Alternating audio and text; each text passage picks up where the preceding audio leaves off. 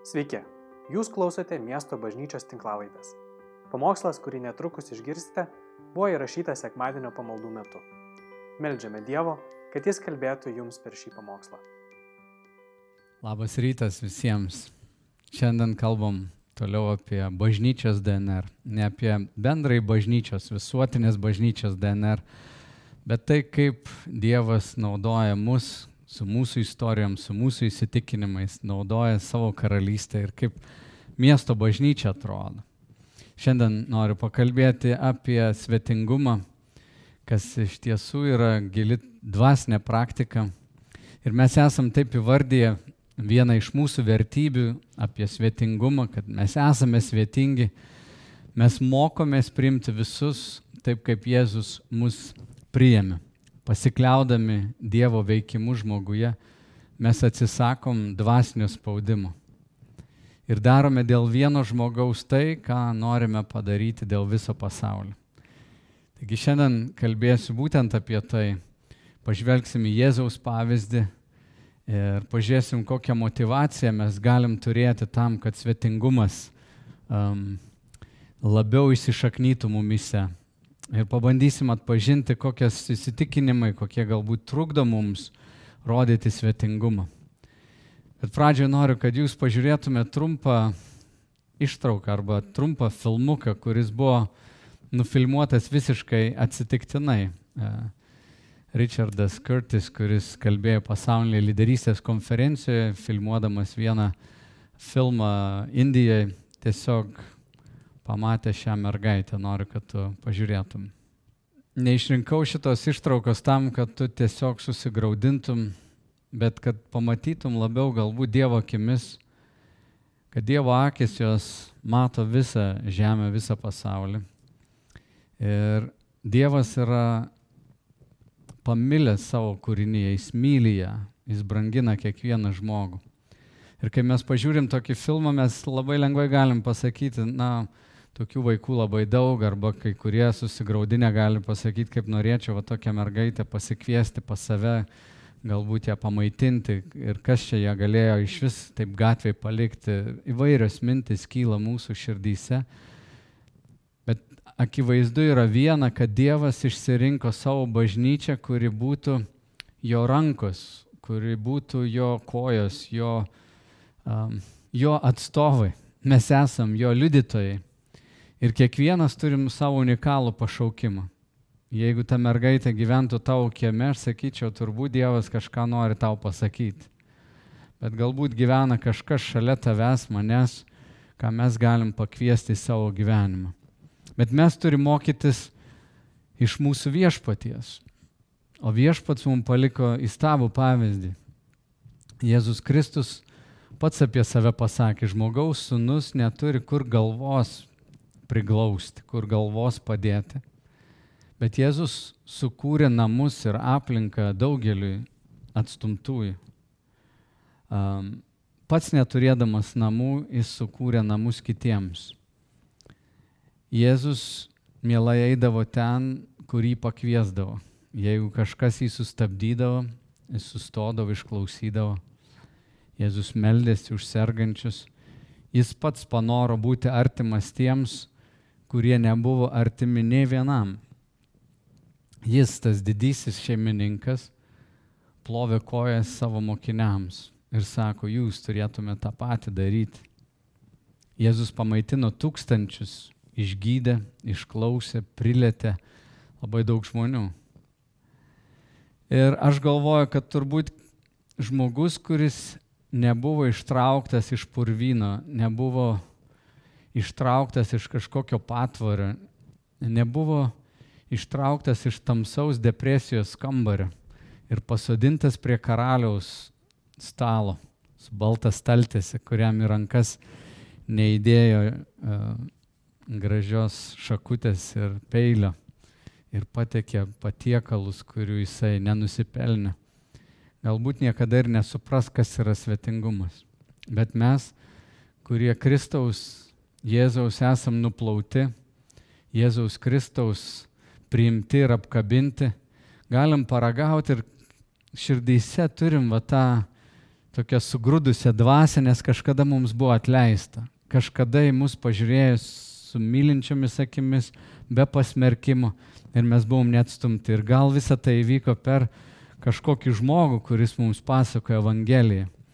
Bet kai mus pasiekė tas dieviškas Jėzaus svetingumas, tas absoliutus malonus prieimimas, vad būtent tokioj būsenai užsipildo širdis kažką daryti. Nebegali tiesiog sėdėti, būti toks abejingas. Žinoma, jeigu mes mylim tik tuos, kurie mus myli, tai kuo mes skiriamės nuo bet kokio žmogaus, kuris mainais viską a, keičia. Nusidėlė irgi tą daro. Bet dieviškasis svetingumas jis yra kitoks. Taigi paskaitysiu jums žinoma ištrauką iš laiško Hebrajams 13 skyriaus apie svetingumą. Visas šitas laiškas yra ypatingai parašytas tokiai atstumtai grupiai žydų arba hebrajų, ten rašoma žmonėms, kurie, na, kai kurie suklydę, kai kurie e, toliau e, aukoja aukas, nors Jėzus Kristus kaip vienintelė auka ir atnaša buvo už mus visus paukotas, kai kurie laikosi to įstatymo ir šito laiško autorius jisai argumentuoja, kad Jėzus yra didesnis karalius, geresnis pranašas, didesnis um, apskritai, didesnis tarnas ir didesnis kunigas nei bet kuris kitas iki tol buvęs Dievo tarnas. Ir visam tam laiškė tie argumentai, kad Jėzaus pakanka. Jėzus yra tas laikų išsipildymo ženklas, tėvo paskutiniai žodžiai mums. Ir paskui duodami tokie praktiniai nurodymai va tai grupeliai žmonių, kurie patiria atstumimą iš žydų tautos. Žydai, kurie e, savo tautoje patiria irgi persekiojimą, nes jie susitapatino su Jėzumi kaip mesijų, o kiti atmetė mesiją. Ir man patinka ta praktinė dalis, kai jau supranti, kad Jėzus atleido, nuplovė, jis yra pranašas, jis yra kunigas, kuris mus užtarė visą tą paveikslą jau suvokiant, sako dabar pabaigoje, 13 skyrius nuo pirmos eilutės. Jis sako, te išsilaiko broliška meilė. Nepamirškite svetingumo, nes per jį kai kurie patys to nežinodami priėmė viešnagen angelus. Prisiminkite kalinius, tarsi kartu būdami įkalinti. Prisiminkite tuos, su kuriais piktai elgiamasi, nes patys tebesate kūne. Te būna visų gerbiama santoka ir nesuteptas santokos patalas, o ištvirkelius ir svetimautojus teis Dievas. Gyvenkite be godumo pinigams. Būkite patenkinti tuo, ką turite, nes jis pats yra pasakęs, niekada aš tavęs nepaliksiu ir nepamiršiu. Todėl galime su pasitikėjimu tarti viešpats mano padėjėjas, aš nebijosiu. Ką gali padaryti man žmogus? Atsiminkite savo vadovus, kurie jums kelbė Dievo žodį. Sižiūrėkite jų gyvenimo vaisius, sekite jų tikėjimu. Jėzus Kristus yra tas pats vakar, šiandien ir per amžius. Nesiduokite suklaidinami įvairių ir svetimų mokslų, nes gera, kai širdis sustiprinama malonė, o ne valgiais, kurie nedavė naudos tiems, kurie jų laikėsi. Mes turime aukurą, nuo kurio valgyti neturi teisės tie, kurie tarnauja palapiniai. Jų kūnai gyvulių, kurių kraujas vyriausiojo kunigo įnešamas į šventyklą už nuodėmės, sudeginami už stovyklos. Todėl ir Jėzus, norėdamas savo krauju pašventinti tautą, kentėjo už vartų Taigi išeikime pas jį už stovyklos, neždami jo paniekinimą. Čia mes neturime išliekančio miesto, bet ieškome būsimojo. Todėl per jį visada aukokime Dievo išlovinimo auką, tai yra jo vardą garbinančių lūpų vaisių. Nepamirškite daryti gerą, dalinti su kitais, nes tokios aukos patinka Dievui. Nepamirškit svetingumo nes kai kurie priėmė angelus. Svetingumas.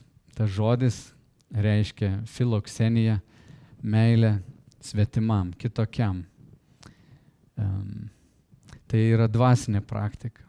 Mes matome čia Jėzaus paveikslą, kuris um, pasiaukoja, kuris irgi buvo nukankintas ir už miesto nukryžiuotas, atstumtas. Ir sako, mes turime eiti jo pėdomis. Kaip tu šiandien supranti svetingumą? Ką tau reiškia svetingumas? Ar tavo širdyje yra vietos svetimiems žmonėms, žmonėms, kurie nėra į tave panašus? Um, kai žvelgiu į savo gyvenimą, tai kažkaip vaikystėje prisimenu namuose žmonės tik kai būdavo didelė šventė, šiaip svečių kažkaip nelabai atsimenu. Galvoju, sovietmetis sukūrė vat, mano kartą, mano tėvų kartą, tokia truputį bauginta įtarę, e, netgi savo kaimynus išduodančią tokią visuomenę, kuri bijo reikšti savo nuomonę, kur vyksta daug patyčių, um, iš tikrųjų daug juokiamas iš žmonių ir visi kažkaip palaiko tokį atstumą. Net iki šių dienų įeini laiptinę, jinai prišiukšlinta, prispjaudyta, nuorokų primėtyta, užeini pa žmogų namus, galvo, wow, kaip gražu. Padarytas remontas, šviesu, gražu, iškvepinta. Išeini vėl į tą laiptinę ir galvo, kas čia per vieta. Ir galvo, ką tai, ką tai parodo, ta mūsų va, gyvenimo vieta. Mes visi atrodo užsidarę, nors vaikystėje atsimenu ir tokių gražių dalykų, kad mes raktą nuo namų po kilimėlių paslėpdavom. Tokių buvo galbūt ir pasitikėjimo tarp kaimynų, kažkokio to bendrystės. Atvažiuodavau šiukšlių mašiną, visi išneždavom šiukšlės, pasižiūrėdavom, kas ką valgia, kas ką išmeta. Būdavo tokios gražios tos bendrystės. Bet šiaip to įtarumo ir tų patyčių kažkaip atsimenu ir mokyklą, ir tokio svetingumo tos kultūros aš nelabai daug, man atrodo, mačiau. Bet paskui Lietuvos nepriklausomybės metai ateina ir pas mus kraustasi toks praturtėjimo laikas, individualizmas ir ta vakarų kultūra eina iškelia labai individą virš visuomenės atrodo. Aš pažiūrėjau pagal visuotinę lietuvę enciklopediją, individualizmas yra taip apibūdinamas. Tai yra politinė filosofija, moralinė laikysena, socialinis požiūris pabrėžiantis individuo laisvę ir nepriklausomybę. Individualizmas iškelia asmeninius siekius ir vertybės virš visuomenės tikslų bei vertybių. Individualizmas dažnai atmeta tikėjimą, moralinės, socialinės normas, pabrėžia asmeninių santykių naudą santokos ir kitais atvejais.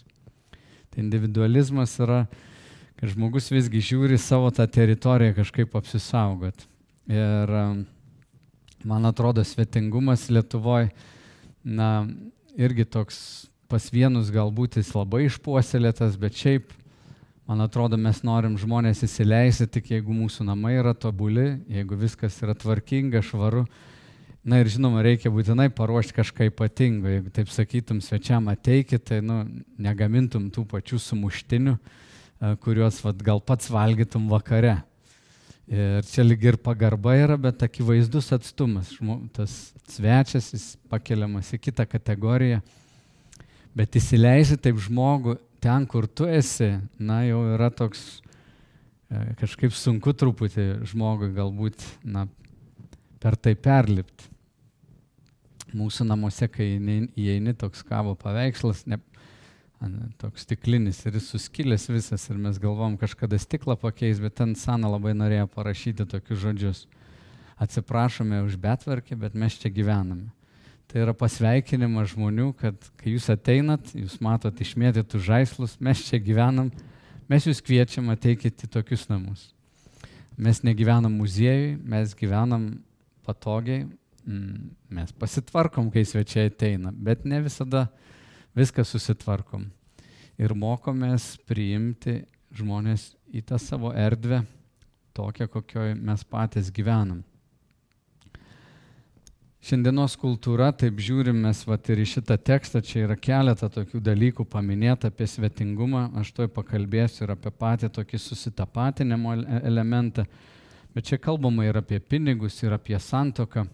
Tai šiandien, kai žiūrim, vat, pinigai, seksas, kas mūsų visuomeniai tai yra, na, pinigai, jie suteikia man nepriklausomybę, suteikia man laisvės, leidžia man realizuoti save, bet daug labai yra į save nukreipta. Viena mano pažįstama darė tokią na, disertaciją doktorantūros apie filantropiją, tai Lietuvoje iš tikrųjų labai žemas filantropijos lygis, nu tokio dalinimuose. Jis, jis yra kaip kokia naujovė. Yra mecenatai, bet tai yra na, tam tikra reklamos forma labai dažnai. Tiesiog vėlgi kažkokie tai mainai. Bet pinigai naudojami taip užsukti, žinai, vartojimas mums yra skatinamas ir mes, na, čia kaip vat raštas sako, sako, gyvenkit be godumo pinigams, būkite patenkinti tuo, ką turite nes jis pats yra pasakęs, niekada aš tavęs nepaliksiu ir nepamiršiu.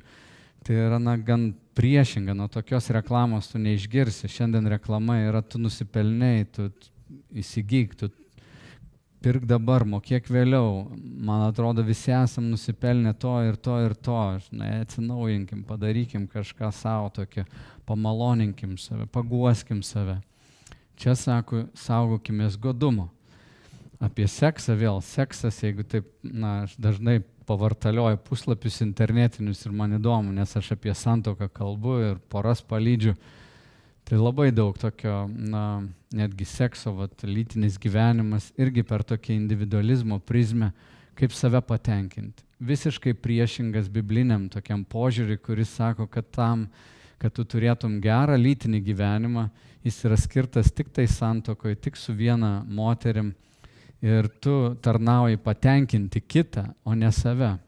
Nes taip vat, veikia e, gyvenimas, kada tu atiduodi, tu gauni savo. Jeigu tu nori patenkinti save, tu turėsi du nelaimingus, nepatenkintus žmonės.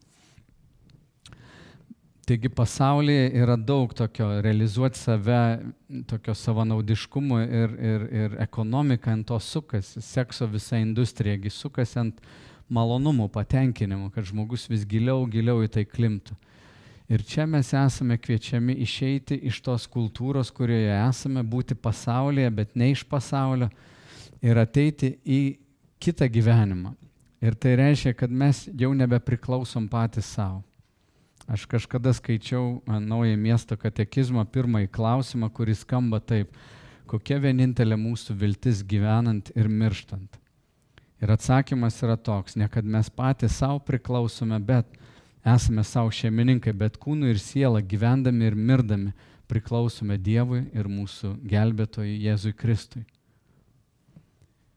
Pažiūrėk, čia yra radikalus apvertimas, na, vertybių, tai yra, na, visai kitie kiniai uždedami, žvilgsnis į pasaulį. Jeigu aš įpratęs taip savo, savo, savo, tai čia pasakyta, kad mes ir gyvendami, ir mirdami nesame patys savo šeimininkai. Mes nebepriklausom patys savo. Ir todėl, kai žvelgiam į svetingumą, tai mes svetingumo nesuprasim, jeigu mūsų galvoje nuolat kyla, kaip aš pamaitinsiu, aš nesusitvarkęs, mano namai per maži, negi aš sadinsiu juos virtvi. Visa tai yra, o ką kitas apie mane pagalvos. Visa tai yra tokia egocentriškas žvilgsnis bet ar pagalvoji, kaip kitas žmogus jaučiasi, o gal kaip jis būtų atgaivintas, jeigu tu pasadintum ten, kur tu sėdi, pakviestum būti ten, kur tu esi. Yra tas susitapatinimo elementas. Evangelijos svetingumas, kad čia sako, nepamirškit svetingumo, yra priimti žmonės į savo namus ir elgtis su svetimais kaip su savo šeima, kad Dievas galėtų paversti juos tavo draugais priimti juos į savo namus, susidraugauti su jais. Kad Dievas galėtų padaryti tai, ką Jis nori padaryti. Žiūrėkit, žydų tautai apie svetingumą, kai Dievas kalbėjo, Jis jam pabrėžė, kur jie buvo, Jis primena, kur jie buvo. Pakartoto įstatymo 10 skyriuje 17 eilutė sako, viešpats jūsų Dievas yra dievų Dievas ir viešpačių viešpats, didis, galingas ir baisus Dievas Jis neatsižvelgia į asmenis, nepaperkamas kyšiais. Jis teisingai elgesi su našlaičiais ir našlėmis. Mylė teivi, duodamas jam maisto ir drabužių. jūs irgi mylėkite ateivius, nes patys buvote ateiviai Egipto žemėje. Mylėkite, nes jūs patys buvote ateiviai. Ir žydų tauta galėjo na, daug istorijų turbūt papasakot, ką jiems reiškia būti vergais. Ir iš lūpų į lūpas istorijas keliavo, kada jie vergavo Egipte, kada jie buvo mušami, kada faraonas nusprendė visus jų pirmagimius tenais žudyti, visus berniukus žudyti. Žodžiu, mes matom Dievo šitą priminimą arba pačią motivaciją. Neužmirškit, kur jūs buvot. Prisiminkit, ką esat patyrę. Ar yra tau buvę, kad tu neturėjai pats ką valgyti? Ar yra tau buvę, kad tu jautėsi vienišas? Ar yra tau buvę, kad tu buvai depresijoje ir galvoju, aš net nenoriu niekam pasakoti, nes mane pasmerks. Ateis koks nors gudrutis ir sakys, žinai, pažiūrėk, filmą bus faina. Žinai, kažkas, kas vat, negalėjo susitapatinti. Prisimink tas akimirkas, kada tu jautei kalties jausmą, kada išgyvenai gėdą. Prisimink tas akimirkas ir supras, kad daug tokių yra, kurie dar tebėra toje vietoje, tebėra ateiviai, jie tebėra dar prislėgti, galbūt sergantis, nesuprasti nuteisti ir pakviesk juos į savo gyvenimą. Susitapatink su jais. Nes jūs irgi buvote, uh, buvote ateiviai, todėl būkite dosnus, pasirūpinkit našlė našlaičių. Čia keletą puslapių atgal uh, laiškė hebrajams irgi sakoma, prisiminkite ankstesnės dienas, kada jūs apšviesti ištvėrėte didelę kentėjimų kovą, tiek patys išstatyti viešam reginiui su paniekinimais ir smurtu, tiek būdami dalininkai tų, su kuriais buvo taip elgiamasi. Jūs užjautėte mane kalinį ir linksmai sutikote savo turtą išplėšimą, žinodami, jog turite danguje geresnį ir išliekantį turtą. Tad nepameskite savo pasitikėjimo už kurį skirtas didelis atlygis. Čia vėl tas pats priminimas. Ar prisimenat, kai jūs buvot niekinami? Ar prisimenat tuos, kurie buvo į kalėjimą uždaryti? Prisiminkit juos. O svetingumas vėlgi yra pažiūrėti tuos, kurie yra atstumti. Jūsgi irgi tame buvote, tai dabar priimkite tuos, kurie išgyvena. Ir aš galvoju, iš tikrųjų kartais galbūt sunku taip, na, tą dosnumą rodyti, jeigu neturi pavyzdžių. Aš daug pavyzdžių neturėjau kažkaip augdamas, ne, gal jų buvo, aš gal buvau pusiau aklas ir kažkaip neatsimenu. Bet pamenu 95 metais, kai Dievas pašaukė mane prisijungti prie tokios krikščioniškos misijos ir dirbti teatre, tai mes keliavome Europoje tris metus ir išvažiuodavom su nedidelė grupė, mes buvom atsakingi tiek už vaidinimą, tiek už tų naujų vietų suradimą. Ir jeigu mes nesurasdavom, kur parodyti spektaklius, ar tai būtų bažnyčios, ar kalėjimai, ar ant kažkokioj scenoj, ar mokyklose, tai mes neturėdom nei ką valgyti, nei kur nakvoti. Ir tris metus taip, vat, kaip sakoma, su lagaminu pragyvenom. Ir ten aš seną sutikau, savo žmoną tam teatre, bet, na, tie trys metai kažką padarė manie, nes teko mėgoti ir penkių žvaigždučių viešbutį, teko mėgoti pastoriaus ofise po, po, po stalu, teko būti Velsė ten mėgoti ir blusų būti sukandžiotam, teko ir Vokietijoje ir ant, ant uh, um, šieno mėgoti ir teko labai prabangiuose namuose būti. Bet mes vasarą tos visos komandos iš Europos įvairių šalių suvažiuodom Vokietijoje, mus primdavo į šeimas trim mėnesiam, pavyzdžiui, keturis jaunus vyrus priima šeima ir mes valgom jų maistą, žaidžiam su jų vaikais, būnam jų šeimoje. Ir tai kažką mano galvoje tokia padarė. Iš tikrųjų taip, na, pervertė kažkokius ten nusistovėjusius įsitikinimus, kad galim įeiti į šeimą ir iš tikrųjų būti ne tik vienos vakarienės dalyvių, bet būti šeimos gyvenimo dalimi. Ir su kai kuriais iš jų palaikom ryšį iki dabar. Turim Švedijoje, Vokietijoje pažįstamus, tuos brolius sesės, kurie mus priėmė ir na, be galo, be galo gera juos sutikti, nu, tokių, tokių daug šiltų jausmų sukelia. Prisimenu Anglijoje, Airijoje man teko būti, kur žinau, kad tik būsiu su šita šeima vieną naktį, bet kažkaip turėjau tokį įsitikinimą, kad galima atsiverti. Ir būdavo taip, aš išsipasakoju, jie išsipasakoja. Ryte, kai mes išvažiuojam, ten apsiverkiam net, mano komandos nariai sakydavo, kad tu, sako, tas išvaistai savo energiją, sako, išsipasakoji ten, nesuprantu, ką tu ten darai, kad, kad jie paskui taip, žinai, glebeščiuojantis po vieno vakaro, bet mūsų širdis susijungia. Ir kažkam aš buvau kaip angelas, žinai, kažkam man buvo kaip angelas. Aš pamenu, viena tokia šeima, su jie irgi gal dvi naktis tik prabuvau, bet paskui man per, ne, per atostogas neturėjau kaip iš Anglijos grįžti namo ir čia 95 gal 6 metai labai brangiai kainavo bilietai, tai likus savaitę iki atostogų ta šeima paukojo tiek pinigų, kad lygiai mano bilietų išėjo. Nei aš jų prašiau, nei ką, tiesiog jie pervedė pinigus. Kažkokie ryšiai užsimesgi ir kartais atrodo tokį trumpą laiką su jais prabūni ir jie priima. 2000 metais mes su žmona važiavom į Ameriką ir buvom Švedijoje sutikę tokį pastorių, pastor J. Estabrook ir, ir jo žmona Ana Marija. Ir kažkaip pabendravom, gal nu, vieną pokalbį gal turėjom.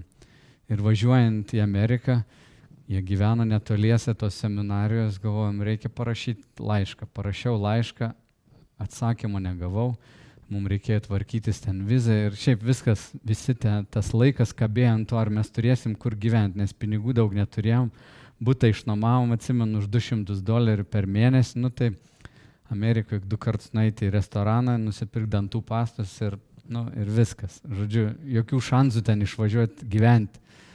Ir aš pamenu, kai paskambinau ir sakau, ar galėtume mes atvažiuoti ten ir apsistoti pas jūs ir gyventi.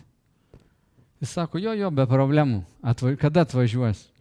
Aš sakau, bilietus noriu, va dabar šiandien turiu nusipirkti ir einu į ambasadą.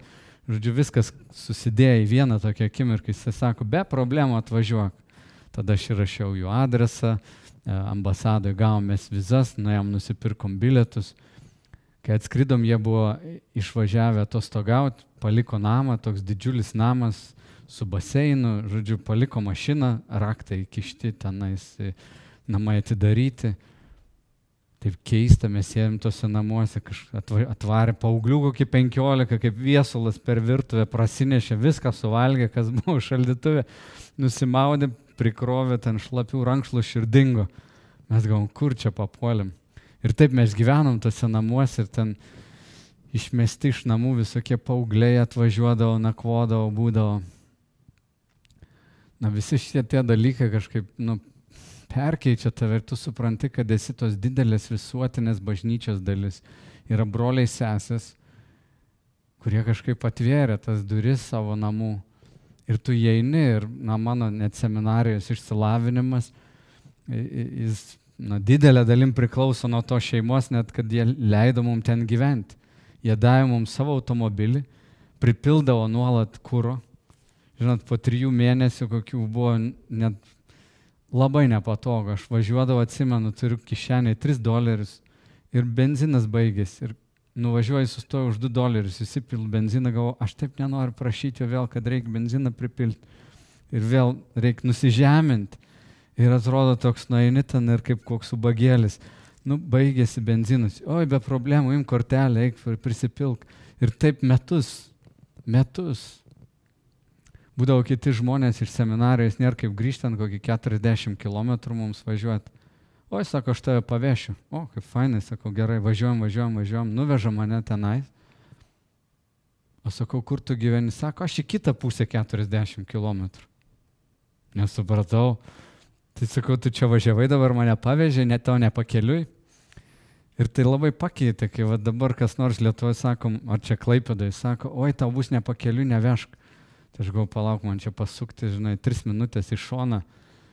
Jokingai skamba, nes aš pats priėmiau tą malonę kažkada. Mane veždavo po 40 km. Vienas žmogus pavežė mane, pamenu, irgi namo, va taip parvežė, mes pabendravom 3 valandas.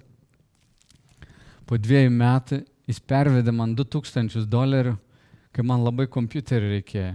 Aš kovoju su žmogum, pabendrau vieną ar du kartus, kodėl jis tos pinigus pervedė. Ir aš supratau, kad tai veikia Dievo ekonomika.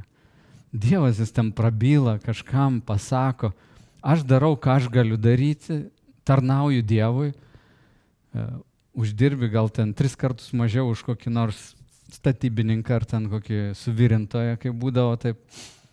Bet Dievas kitais būdais kažkaip tai jau palaimina ir galvo, nu va čia kažkoks kitas pasaulis. Ir žinoma, a, a, aš gyvenu labai gerai.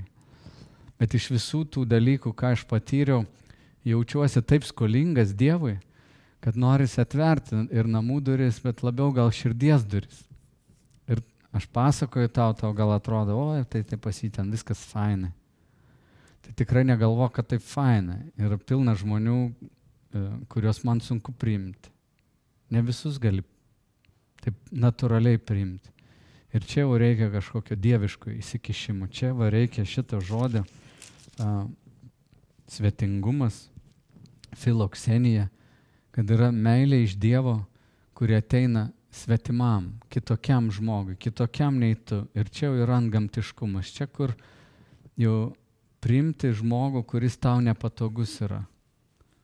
Priimti kito vaiką, priimti, na, žodžiu, yra galbūt tokie trijų rūšių svetimi žmonės. Yra keisti krikščionys, kuriuos sunku priimti. E, viena tokia rūšis ir tu galvoji, mm, nenoriu e, įsileisti jo į savo gyvenimą, į savo širdį. Ir va tada nuskamba tie žodžiai, kad kaip Kristus jums atleido, taip jūs atleiskit. Kaip Kristus jūs priėmė, taip ir jūs priimkite. Būkite svetingi. Ir supranti, kad tu jau tapai pats kaliniu. Kristaus gerumu. Esi įkalintas jo gailestingumu. Ir tu nebegali tiesiog daryti, ką pats nori. Tada sakai, Dievo duok malonės. Kiti yra kaimynai, Jėzus e, visada valgydavo su keistais žmonėm. Jisai iš tikrųjų, kai skaitom, jisai ten valgo, e, su nusidėjėliais bendrauja. Nu, tai nusidėjėliai, tai žinok, tai ne komplimentas, kad jie tokie faini, krūti kažkokie bohemiški žmonės. Nu, tai sukčiai, melagiai, pijokai, nu, prostitutės, žodžiu, žmonės kiti pikti labai. Ir Jėzus pas tokius sieja, su tokiais buvo. Ir na, aš nesakau, kad visus dabar reikia bandyti gelbėti, bet kaip mes to įvardėjom, toj vertybėje, tame apibrėžime, kad kartais tai, ką tu norėtum padaryti dėl viso pasaulio, esi nujautrintas dėl tų skaičių, tiesiog padaryk dėl vieno žmogaus. Išsirink vieną, padaryk kažką dėl vieno kaimyno. Ar gali savo kaimyną pasikviesti namus? Na žinoma, bus keista, jis tau negiminė, gal tavo giminės ten, žinai, tik per laidotuvės ir vestuvės susirenka. Ar negali būti taip, kad Dievas tau davė gyventi ten, kur tu gyveni, neatsitiktinai, kad tu pakviestum iš laiptinės kažką. Dabargi laiptinės žmonės irgi turbūt keičiasi ten kas, kas keli metai, vis judėjimas vyksta. Tai vis gali pakviesti, pasisveikink, kai vaikštai su šuniuku, susipažink ir pakviesk vakarienės. Ir žmogus nusteps, jeigu jam nepatiks, jis sakys, ne, neturi laiko nu, nebesikabinėk. Bet jeigu jis sakys, o, fainai, gerai, ir ateis, tu pabendrausi, gal turėsi naują draugą, bet tu parodysi tą filokseniją, meilę artimam, tokiam svetimam žmogui. Ne artimam, o svetimam iš tikrųjų. Ir trečia kategorija yra vargšai, žmonės, kurie niekada tau neatsilygins. Nes kai kaimyną pakviesi, ateisi, žinai, su vaisiu kokie lėkšteliais ateis, tai paskui tu eisi, tu didesnę vaisių lėkštelę paimsi. bet, bet yra žmonės, kurie niekada tau negalės atsilyginti. Todėl ta vertybė, jinai, na, yra tokia, man, man atrodo, kad tai didžiulis palaiminimas. Tu gali užsidaryti savo gyvenime, bet čia ar neliksi vienišas. Ar netaps tavo namai panašesni muziejų, nei, nei pilnus klegėsi ir purvo, žinai, ten ir linksmybių, ir atleidimo, ir, ir džiaugsmo, ir, ir šokių vieta. žiūrint į Jėzaus gyvenimą, jis buvo tas, kuris ir valgė, ir gėrė, sako, ir linksminosi su žmonėmis. Jis atėjo plačia, plačiomis rankomis, va taip išskistomis. Ir mes, manau, visi krikščionys esam pašaukti būti tokie. Mes nesam pašaukti pirštų rodyti ir smerkti pasaulį. Dievas tvarkysi su pasauliu. Mes pašaukti priimti juos, liudyti jiems savo gyvenimu, savo meilę, savo atviromis širdimis. Ir kaip Jėzus nešė kryžių už miestą, taip ir mes iš šitos kultūros išeinam ir gyvenam kitaip. Šią savaitę išgirdau labai gražią frazę. Svečias į namus, Dievas į namus. E, nepraleis Dievo. Jis nori ateiti, jis nori aplankyti, bet atverk duris. Ir žinai, mes turim fantastinius namus. Kažkada Adomas prarado tą sodą, dėl nuodėmės buvo išvarytas, išvytas lauk, savo prakaizu turėjo užsidirbti duoną.